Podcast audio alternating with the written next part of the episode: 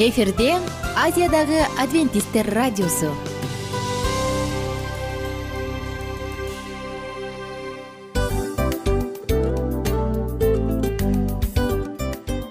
Достор салют. Баардык сүйүктүү угармандарыбызга салам айтабыз. Кутман күнүңүздөр менен. Ден соолук өмүрдүн булагы демекчи саламат саамы программасында баарыңыздарды көргөнүбүзгө абдан кубанычтабыз. Анда алгач амандашып өтөлү арбаңыздар деп. Ден соолугуңуздар кандай элибизде көбүнчө ден соолук кандай дегенде эле жакшы деп жооп беребиз э ооруп турсак дагы жакшы дейбиз. Анан мен муну айтып ойлойт элем бул абдан сонун сөз депчи анткени бул жакшы деген үмүт да э ооба баары жакшы болот баары сонун. Деп үмүттөнүп атып эле өзүбүздү өзүбүз дарылап коебуз. Анысы кандай? Сиздин дагы ден соолугуңуз жакшы беш деген үмүттөбүз чындыгында ден соолук бул өмүрдүн булагы деп бекеринен айтылган эмес деп ойлойм. Кыргыз элинде анткени эгерде ден соолук жок болсо анда адамдын жашоосунда калган баардык керектүү маңыздуу нерселер өзүнүн баалуулугун жоготуп коет. Ошондуктан ден соолук бул эң керектүү нерсе. Ооба туура айтасың кесиптешим чынында ден соолугуң жок бир эки үч күн ооруп калсаң эле э кандай болуп калат? Жашоодо көз каранды болуп каласың көп нерсеге жетишпей каласың көп нерсени кыла албай каласың жада калса эшикке дүкөнгө да чыга албай каласың. Туптуура анан ден соолук болсо демек биз биздин бактыбыз тоодой деп койсок болот. Анда достор саламат саамы рубрикабызды баштайлы. Алдыда өзүңүзгө керектүү болгон сонун кеңештерди уга аласыздар. Мына ошондуктан биз менен бирге болуңуздар. Ал эми биз болсо милан жана айнура. Кеттик алга. Алга саламат саама ден соолуктун жарчысы. Саламат саама ден соолуктун ачкычы. Күн сайын сиз үчүн мыкты кеңештер сонун жаңылыктар кызыктуу фактылар. Биздин рубрикада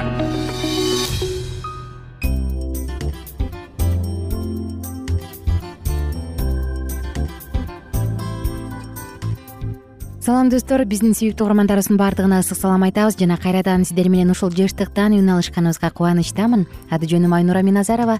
Бүгүнкү саламат саама рубрикасында биз сиздер менен сөз кылуучу бул абдан керектүү жана маанилүү темалардын бири.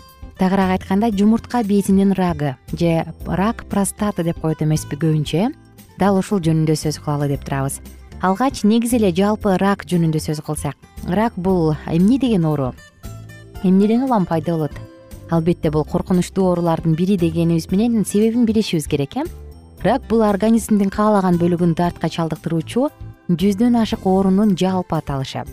Шишик кайсы органда пайда болгонуна карап ошол органдын рагы деген аталышка ээ болот э? Мисалы теринин рагы кандын рагы ашказандын рагы оорунун аталышы шишик рактын буттары сымал тегерегиндеги клеткаларды дагы чапчып жайылып өскөндүгүнөн улам рак деп салыштырмалуу аталган. Ракты онкология илими изилдейт. Статистикага таянсак жыл сайын дүйнө жүзү боюнча болжол менен он миллионго жакын адам рак менен жабыркап алардын сегиз миллиону бул оорудан көз жумат. Караңыздарчы адамдын организми болжол менен он беш миллион клеткадан турат. Нормалдуу клеткалар мыйзам ченемдүүлүк менен өсөт бөлүнүп көбөйөт жана убактысы келгенде өлөт. Клетканын бөлүнүп көбөйүшү клеткалардын өлгөн санына жараша болот. Бул процесс организм тарабынан катуу көзөмөлгө алынып турат. Ал эми клетканын бөлүнүп көбөйүүсү жана өлүүсү бир органда тезирээк экинчисинде жайыраак жүрөт. Өзгөчө териде ичегиде лимфатикалык системада сөөктө клеткалардын өсүп бөлүнүп көбөйүшү батыраак жүрөт бирок физикалык химиялык фактор биологиялык факторлордун таасири менен дененин бир жериндеги клетканын түзүлүшү өзгөрүп клетка көзөмөлсүз бөлүнүп көбөйө баштаган учур кездешет. Дал ушул мезгили жетсе дагы өлбөй бөлүнүп көбөйө баштаган клетка рак клеткасы деп аталат. Мындай клетка бөлүнүп көбөйүп отуруп шишикти пайда кылат шишик коңшу органдарга жайылып кеткенге чейин жетет. Ушинтип болгону бир гана өзгөрүүгө туш келген клеткадан шишик келип чыгаары түшүнүктүү болду э? Кээде иммунитеттин төмөндөшүнөн дагы рак клеткасы пайда болот. Рак залалдуу жана залалсыз болуп экиге бөлүнөт. Залалдуу шишик залалсыз шишикке караганда бат өсөт жана дарылоо кыйынга турат. Залалсыз шишикке кабылгандардын токсон беш пайызынын заманбап дарылоо ыкмаларынын арты менен толук сакайып кетүүгө мүмкүнчүлүктөрү бар. Рак бул узак стадиялуу оору өпкөдөгү ашказандагы сүт безиндеги шишиктин диаметри жагынан бир бир жарым сантиметрге өсүп жетилиши үчүн бештен он жылга чейин керектелет караңызчы. Эмне деген э? Органдар көбүнчө ракка эмне себептен улам кабылат? Мисалы ашказан алдындагы бездин рагы. Бул адамдар тамак ашка малдын этин жана алардын майын көп колдонгондон келип чыгат андыктан эт майды азыраак колдонуу керек экендигин унутпаңыз. Жатындын моюнчасынын рагы табарсык ашказан рагы бар бул тамак ашка крахмалды көп колдонуп ун нан картошка э? Ал эми жашылча жемиштерди аз колдонгондон ооруйт. Тез даярдалуучу азыктар чизбургер хот дог куурдак тишкебектер дагы ашказанды дүүлүктүрүп тамактарды да көп колдонуудан рак келип чыгышы мүмкүн. Боордун рагы бар урук-чыктагыч безинин рагы бар. Айтор толтура карап отурсаң толтура. Анан простатиттин рагы урук-чыктагыч безинин рагы биз бүгүн сөз кыла турган бул томат согу деп аталат. Эмнеси менен пайдалуу? Негизи томат жалпысынан ушул простатада абдан пайдалуу экендиги жакшы изилденген. Анын курамында ликопин пигмент кызыл түстү берип турган пигмент. Бул простатанын ички клеткаларында сакталып калат. Андан сырткары сүт бездеринде жана өттө дагы сакталып калат. Ошону менен бирге булар ошол жерде рактын пайда болушун алдын алат томат же помидор ликопинге бай азык бирок бул жалгыз эмес. Ликопин арбузда дагы папайя розовый грейпфрутта жана таттуу перецте кызыл перецте дагы болгар калембиринде дагы бар. Томат болсо ошол бездердин сезгенип калуусун төмөндөтөт дагы анан канчалык бир деңгээлде дал ушул рак клеткалары менен күрөшкөнгө жардам берет. Томат шире согуна эмнени кошсо болот эч качан томат согуна туз кызыл калемпир майда кумшекер кошпош керек. Анткени булардын баардыгы тең туура эмес болуп калат. Анын ордуна ага башка чеснок кошуп койсоңуз болот петрушка кошсоңуз болот лимондун ширесин жана базилик кошуп койсоңуз болот. Ингредиенттерди айталы сизге томат ширеси үчүн кандай ингредиенттер керек? Үч томат же үч помидор орточо өлчөмдөгү бир аш кашык оливка майы болду. Же аны башка өсүмдүк майы менен алмаштырып койсоңуз болот. Эгерде оливка майы жок болсо. Үч помидор жана бир аш кашык май. Томат согун алыш үчүн биринчи соковыжималкадан же блендерден аны майдалап алыңыз помидорду. Эгерде блендерге майдаласаңыз анда аны ситодан өткөрүшүңүз керек. Андан соң ага бир аш кашык стакан майды коесуз болду. Даяр. Томат ширеси даяр ичип аласыз дагы өзүңүздүн ден соолугуңузга кам көрөсүз. Урук-чыктагыч безинин рагына бир аз токтоло кетели рактын келип чыгышынын башкы себеби бул малдын майын көп колдонууга ыктоо анткени малдын майы кандагы жыныс гормондунун деңгээлин жогорулатат дагы рактын чыгышын шарттайт.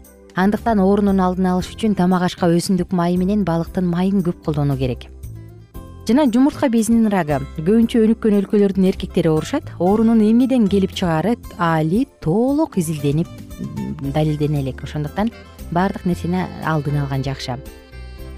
Ракка чалдыккандагы башкы белгилер. Лак рак клеткалары адамдын абалын начарлатып шалдыроого табиттин жоголушуна арыктоого алып келүүчү уу заттарды бөлүп чыгарат. Ошондуктан адам жогоруда аталган абалга кабылса сөзсүз дарыгерге кайрылып текшериши керек бул адамда рак оорусу бар болсо убакытты өткөрбөй дарылоо үчүн мүмкүнчүлүк керек. Ал үчүн негизи эле мындай жаман дартты алдын алыш үчүн жашылча жемиштерди өзгөчө алманы күрүчтү капуста пиязды көп колдонуп тамеки ичкилик сыяктуу жаман адаттардан толугу менен баш тартыш керек. Терини күндүн зыяндуу нурларынан коргоо зарыл. Ал үчүн күнгө күйүүнүн ченемин билип ачык күн алдында денени узакка алып жүрбөө зарыл. Мына достор ушундай саатыбыздын соңку мүнөттөрүнө келип калдык. Биз сиздерге кааларыбыз. Биринчи байлык. Эч нерсеге алмаштырылгыс эч нерсеге сатып ала алгыс биринчи байлык ден соолук каалайбыз. Эч качан оорубаңыздар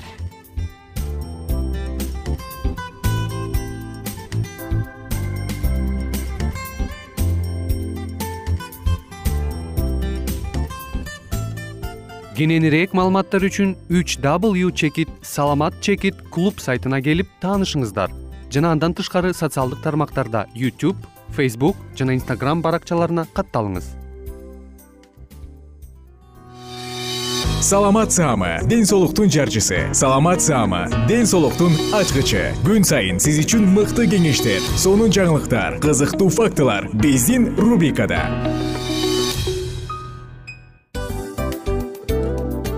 Салам достор. Кайрадан биздин сүйүктүү рубрикабызга кош келиңиздер деп айтмакчыбыз баардык замандаштарыбызга арбаңыздар деп саламыбызды айтабыз. Улуу ушундай бир урматтаган учурашуу менен анан дил маек радио баракчабызга чакырабыз. Негизи дил маек биздин рубрикабызда эмне жөнүндө кеп кылабыз бул дил маектин мааниси эмнеде рубрикабыз менен кичине тааныштырып кетсеңиз. Сөзсүз түрдө тааныштыра кетейин кесиптешим суранычы боюнча бул учурда бул радио баракчада биз ар тарап кесип ээлеринен сонун кеңештерди алабыз сүйлөшөбүз сырдашабыз аталарыбыздын эжелерибиздин апаларыбыздын кеңештерин угабыз. Айтор жан дүйнөгө адамдын э, сапатына адамдын деги эле адам болуп жашашына керектүү баардык кеңештер алдыда. Негизи э, дил маек дегенде баягы эки адамдын ортосундагы сырдашуу кенен сүйлөшүү. Негизи эле биз адамдар бири бирибиз менен бир жерге жай жерге отуруп алып өзүнчө тынч э, жашоо жөнүндө өмүрүбүздө эмне болуп атканын бөлүшкөнү жакшы көрөбүз э адамдар. Ооба туура айтасың анан мындай учурга кээде убакыт да жетпей келет э? Же болбосо сырыңды кайгыңды муңуңду кубанычыңды айткың келет а адамга ишенбешиң мүмкүн. Ооба. А бул радио баракча угармандарыбыздын чыныгы досу. Анткени бизден алган кеңеш сиздин жашооңузга чоң жардам берет. Ал эми сиздин бизге айта турган сөзүңүз ортодо гана сыр бойдон калат. Ошондуктан биздин дил маек рубрикабызга дагы бир жолу кош келиңиздер. Жана биз даярдаган маалыматтарга даяр болуңуздар. Айнура жана милан сиздер менен бирге алдыга кеттик ар түрдүү ардактуу кесип ээлеринен алтын сөздөр жүрөк ачышкан сыр чачышкан сонун маек дил маек рубрикасында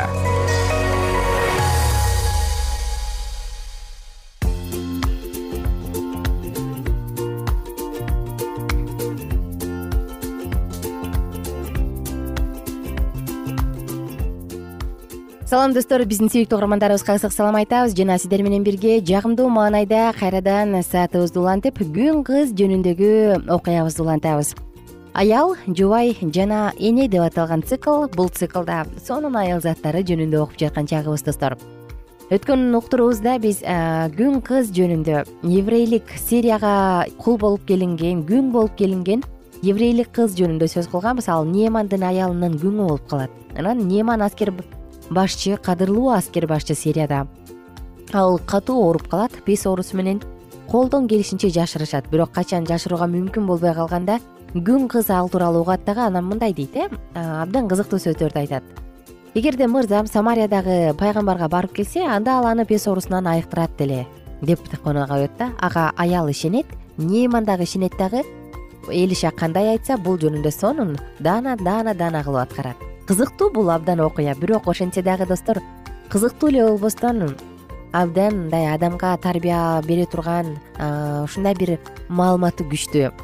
Сиздер үчүн дагы айта ала кетели эгерде кызык болсо муну сиз ыйык китептен экинчи падышачылык китебинен окусаңыз болот. Андан ары улантабыз достор.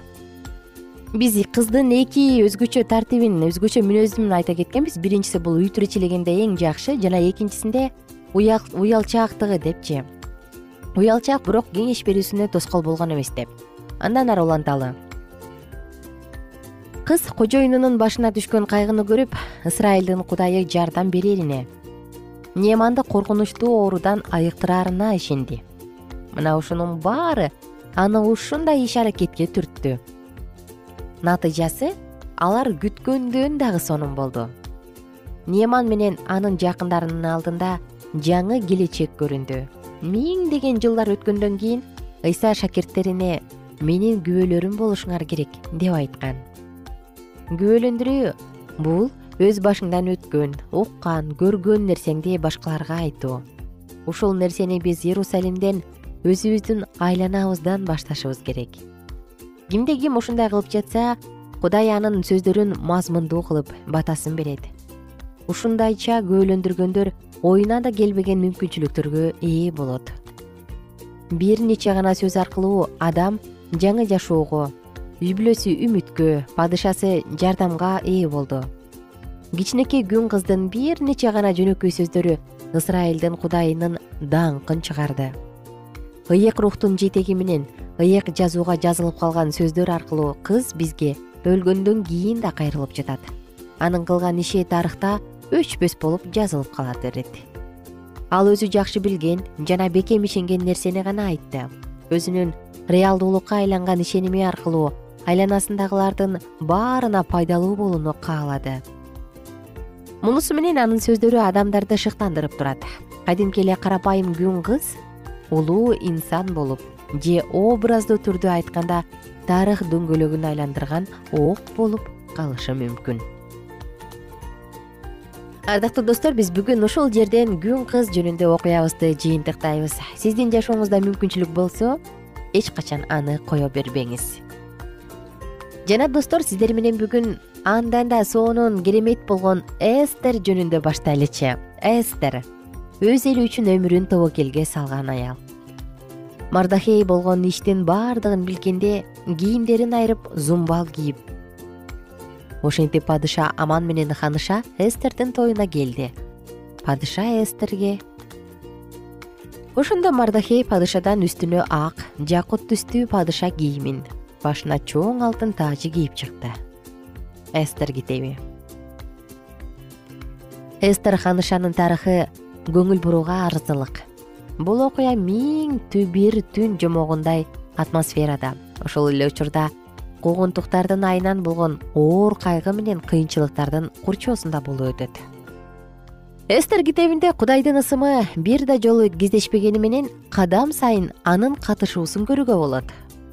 Эстер өзүнө чейинки ханыша баштинин падыша сарайынан жана тарых мейкиндигинен биротоло жок болгондон кийин келген. Анын күйөөсү акаш бирош ченемсиз бай падыша ал биздин заманга чейинки беш жүзүнчү жылдары индиядан эфиопияга чейинки жүз жыйырма жети дубандан турган империяны башкарган. Караңызчы достор жүз жыйырма жети дубан анын падыша сарайы бабылдан үч жүз километр чыгышта борбор шаар шушанда жайгашкан. Падыша сарайынын жерине алебастр ак мармар көп түстүү кооз таштар төшөлүп турган зыгыр буласынан токулган ак түстөгү жана жүндөн токулган жакут түстөгү көчөгөлөр зыгыр буласынан жана кочкул кызыл кездемеден жасалган боолор менен күмүш шакектерге байланып мармар мамырларга илинип турган. Падышанын үй бүлөсү жана коноктору алтындан жана күмүштөн жасалган керебеттерди эс алып жатышчу.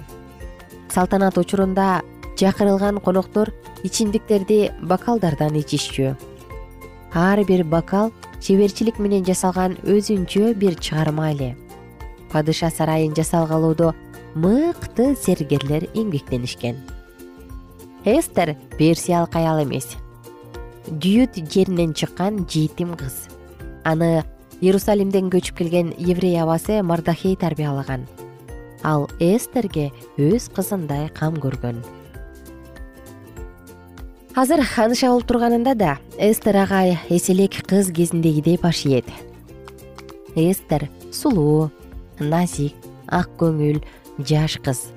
Ошол себептен ал падыша сарайындагы адамдарга жагып калган. Эстердин тагдыры кандай болот? Ал эмне болуп падыша сарайына келип калды? Деги эле жүйүт болсо перистердин арасында кантип барып калды? Эстердин келечеги кандай мына бул тууралуу биз сиздер менен кийинки уктуруубузда сөзсүз сөз кылабыз. Ага чейин достор жалпыңыздар менен убактылуу гана коштошом. Бүгүнкү күнүңүз көңүлдүү улансын маанайыңыз беш болсун маанайда эч нерсе түшүрбөсүн. Жана достор баарыңыздарга көңүлдүү күн каалоо менен бирге ден соолук дагы каалайбыз. Оорубаңыздар аман болуңуздар бай болуңуздар. Кайрадан сак саламатта амандашканча сак саламатта туруңуздар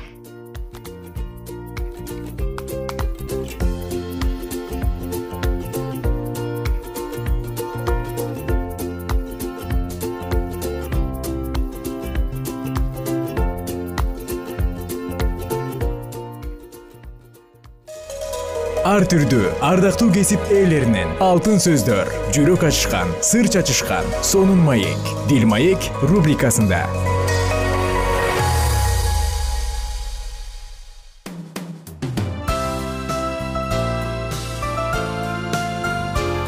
Эфирде азиядагы адвентисттер радиосу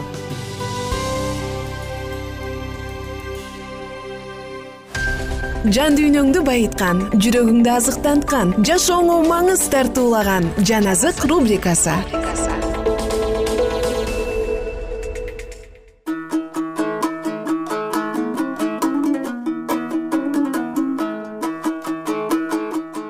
Кутман күнүңүздөр менен кадырлуу замандаштар жалпы биздин сүйүктүү угармандарыбызга ысык салам айтабыз жана жалпыңыздар менен амандашып биз кайрадан жагымдуу саатыбызды жан азык рубрикасын баштадык жан дүйнөнү азыктандыруу бул денебизди азыктандырган сыяктуу эле абдан керектүү нерсе эмеспи мына ошондуктан келиңиздер бүгүн дагы бул саатта жан дүйнөбүздү азыктандыралы пайгамбарчылык китебин окуп жатканбыз. Даниил китебин бүгүн сегизинчи бөлүмдөн ары андан ары улантабыз. Даниэль сегизинчи бөлүм. Белшатсардын падышачылыгынын үчүнчү жылында мен даниэль мурунку көрүнүштөн башка көрүнүш көрдүм мен ал көрүнүштү көрүп жатканда. Эйлам дубанындагы борбор шаар шушанда элем. Мен ал көрүнүштө улай дарыясынын жээгинде жүрүптүрмүн башымды көтөрүп дарыянын жээгинде бир кочкор турганын көрдүм. Анын эки мүйүзү бар экен. Эки мүйүзү тең узун экен. Бирок бир мүйүзү экинчисинен узунураак экен. Узуну кыскасынан кийин көтөрүлдү. Мен ал кочкордун батышты түндүктү түштүктү сүзгүлөп жатканын көрдүм. Эч бир жырткыч ага каршы тура алган жок. Андан эч ким кутула алган жок. Ал эмнени кааласа ошону кылып текеберденип турду. Мен муну көңүл коюп карап турдум. Ошондо батыштан бир теке бүт жер жүзүн ээлеп келе жатты. Бирок буту жерге тийген жок. Анткени текенин көздөрүнүн ортосунда бир чоң мүйүзү бар экен ал мен дарыянын жээгинде турганда көргөн эки мүйүздүү кочкордун жанына келип ага катуу каары менен атырылды. Мен анын кочкорго жакын келип ага аябай каарданып аны сүзүп эки мүйүзүн сындырганын көрдүм. Ага туруштук бергенине кочкордун күчү жеткен жок. Теке аны жерге кулатып тебелеп салды. Кочкорду андан куткарып алганга эч ким чыккан жок ошондо теке аябай күчкө толду бирок күчүнө киргенде чоң мүйүзү сынып анын ордуна асмандын төрт шамалын караган төрт мүйүз чыкты. Алардын биринен түштүктү чыгышты жана эң сонун өлкөнү карай аябай өскөн анча чоң эмес бир мүйүз өсүп чыкты. Ал асман кошунуна чейин көтөрүлүп ошол кошуундун жана жылдыздардын бир бөлүгүн жерге кулатып тебелеп тепсеп салды ал турсун ал ошол кошуундун жол башчысына чейин көтөрүлдү. Андан күн сайын чалынуучу курмандык тартылып алынды. Анын ыйык жайы турган жер булганды. Асман кошууну мыйзамсыздык үчүн күн сайын чалынуучу курмандык менен бирге анын колуна салынып берилди. Ал чындыкты жерге кулатып ар кандай иш аракеттерди кылып ийгиликке ээ болуп жатты. Ошондо мен бир ыйыктын сүйлөп жатканын уктум. Ал ыйык ыйык жай менен кошуундардын тебеленип тепселенүүсү жөнүндөгү күн сайын чалынуучу курмандык жөнүндөгү жана ээн калтыруучу мыйзамсыздык жөнүндөгү бул көрүнүш канча убакытка созулат деген суроо берген бирөөгө мындай деп жооп берди. Ал мага бул эки миң үч жүз кечке жана таңга созулат. Ошондон кийин ыйык жай тазаланат деди. Анан мындай болду мен даниэль бул көрүнүштү көрүп анын маанисин издеп жатканымда менин алдыма адамга окшош бирөө туруп калды. Анан мен улай дарыясынын ортосунан адамдын үнүн уктум. Ал жебрейил ага бул көрүнүштүн маанисин түшүндүрүп бер деди. Ошондо ал мен турган жерге келди. Ал келгенде мен коркуп кетип жүз төмөндөп жыгылдым. Ал мага адам уулу бул көрүнүш акыркы мезгилге таандык экенин билип ал деди ал мени менен сүйлөшүп жатканда мен эч нерсе сезбей жерде жүз төмөндөп жаттым. Бирок ал мага колун тийгизип мени кайра ордума тургузуп мындай деди. Мына мен сага каар төгүлгөн күндөрдүн акыркы күндөрүндө эмне болорун билдирип жатам. Анткени бул белгиленген мезгилдин акырына тиешелүү. Сен көргөн эки мүйүздүү кочкор мадай жана персия падышалары ал эми түктүү теке грециянын падышасы. Анын эки көзүнүн ортосундагы чоң мүйүз болсо анын биринчи падышасы. Анын сынганы анын ордуна башка төрт мүйүз чыкканы бул элден төрт падышачылык чыгарын. Бирок ал падышанын күчү менен эмес экенин билдирет. Алардын падышачылыгынын акырында мыйзамсыздар өздөрүнүн мыйзамсыздыктарынын чегине жеткенде абийирсиз өтө айлакер падыша келет анын күчү бекемделет бирок өз күчү менен эмес. Ал таң каларлык кыйратуу иштерин жүргүзөт ийгиликке жетет ар кандай иш аракеттерди кылат күчтүүлөрдү жана ыйык элди кырат. Ал акылы менен эки жүздүүлүгү менен ийгиликке ээ болот. Ал жүрөгүндө көтөрүлөт тынчтык өкүм сүрүп турганда көптөрдү өлтүрөт эгедерлердин эгедерине каршы көтөрүлөт. Бирок ал колдун жардамысыз кыйратылат кеч менен таң жөнүндө айтылган көрүнүш чындык. Бирок сен бул көрүнүштү ичиңе сакта. Анткени ал акыркы күндөргө тиешелүү. Ошондо мен даниэль алсырап бир нече күн оорудум. Андан кийин туруп падышанын иштерин аткара баштадым мен бул көрүнүшкө таң калдым аны түшүнгөн жокмун. Даниэль тогузунчу бөлүм. Каздин падышачылыгынын үстүнө падыша болуп коюлган мадай уруусунан чыккан акашбейрош уулу дарийдин падышачылыгынын биринчи жылында мен даниэль китептерден теңирдин жеремия пайгамбарга айткан сөзүнөн иерусалим жетимиш жыл ээн каларын түшүндүм. Ошондо мен орозо кармап зумбал кийип башыма гүл чачып кудай теңирге жүзүмдү буруп сыйындым. Мен кудай теңириме сыйынып күнөөлөрүмдү ачык айтып кечирим сурап мындай дедим.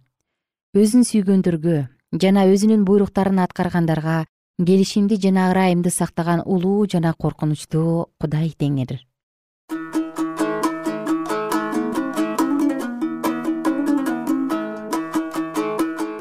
андан ары эмне деп сыйынганын биз достор кийинки уктуруубузда улантабыз. Ага чейин жалпыңыздар менен кайрадан коштошобуз. Кийинки уктуруудан кайрадан амандашканча достор күнүңүздөр көңүлдүү улансын. Кызык пайгамбарчылыктар акыркы учурга тиешелүү акыр заманга акыркы муунга тиешелүү пайгамбарчылык мүмкүн бул. Азыркы замандын пайгамбарчылыгы тууралдыр. Келиңиздер бүгүн ойлонуп көрөлү. Кайрадан амандашканча достор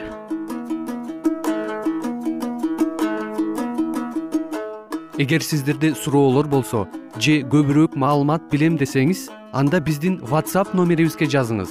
Плюс бир үч жүз бир жети жүз алтымыш алтымыш жетимиш. Кайрадан плюс бир үч жүз бир жети жүз алтымыш алтымыш жетимиш